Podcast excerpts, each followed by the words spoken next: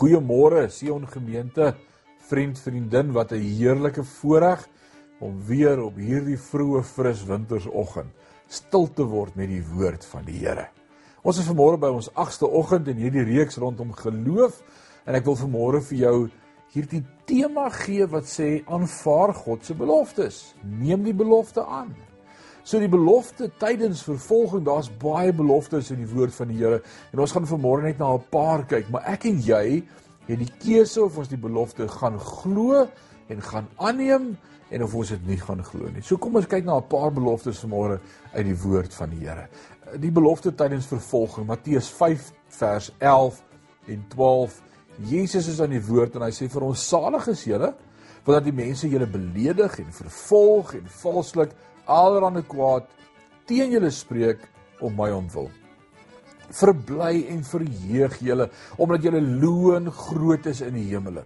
Want so het hulle die profete vervolg wat voor julle gewees het. So die belofte van môre is God sal ons bless. Hy is met ons. Ons moet ons verbly en verheug daarin. Ons sal 'n groot loon ontvang in die hemel. Wie van julle wil nie 'n groot loon in die hemel ontvang nie? So ek en jy moet vanmôre sê hierdie belofte neem ek aan. Ek glo dit. Ek glo dit is ook vir my. Die belofte oor stres, spanning. Almal van ons beleef in hierdie tyd spanning en stresvolle oomblikke en dalk 'n bietjie angsneurose. Hoor wat sê die woord van julle in Filippense 4 vers 6 en 7. Paulus is aan die woord. Hy skryf aan die gemeente in Filippi.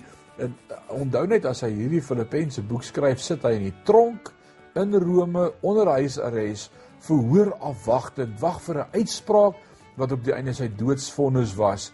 En terwyl hy in daardie omstandighede in krisis in lockdown sit Paulus verstaan van lockdown hy 2 jaar daar gewees skryf hy aan die gemeente in Filippi en hy sê vir hulle in vers 6 van Filippense 4 wees oor niks besorg nie maar laat julle begeertes in alles deur gebed en smeking met danksegging bekend word by God.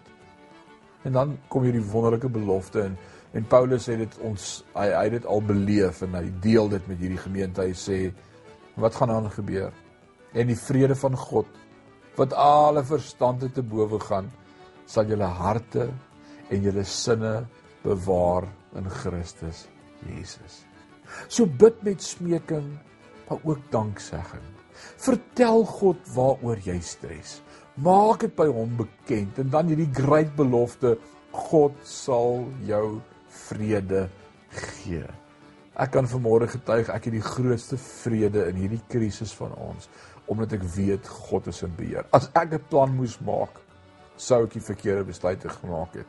Maar ek berus vanmôre daarin dat God die beste weet lees ook eh, Matteus 6 vers 25 tot 30. Hoor wat sê die woord van die Here. Hy sê daarom moet julle julle nie kwel en sê wat sal ons eet of wat sal ons drink of wat sal ons aantrek nie. Hoor wat sê hy, sê want na al hierdie dinge soek die heidene. Want julle hemelse Vader weet dat julle al hierdie dinge nodig het. Maar soek eers die koninkryk van God en sy geregtigheid en al hierdie dinge sal vir julle bygevoeg word. Ek wil vanmôre vir jou sê as jy stres en jy beleef spanning, wat kan jy doen? In die eerste plek wil ek sê bely jou sonde. Sê Here, skus, ek vang nou 'n oomblik, ek vang 'n speed wobble. Ek ek vang 'n oomblik van ongeloof. Ek bely my ongeloof. Nee, kom aan glo reg. In die tweede plek, dien die Here. Aanbid hom.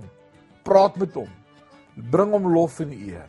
En dan die belofte wat volg, gaan sy rus in. Beleef sy vrede. Die belofte is en al hierdie dinge sal vir julle van self bygevoeg word as ons God eerste soek.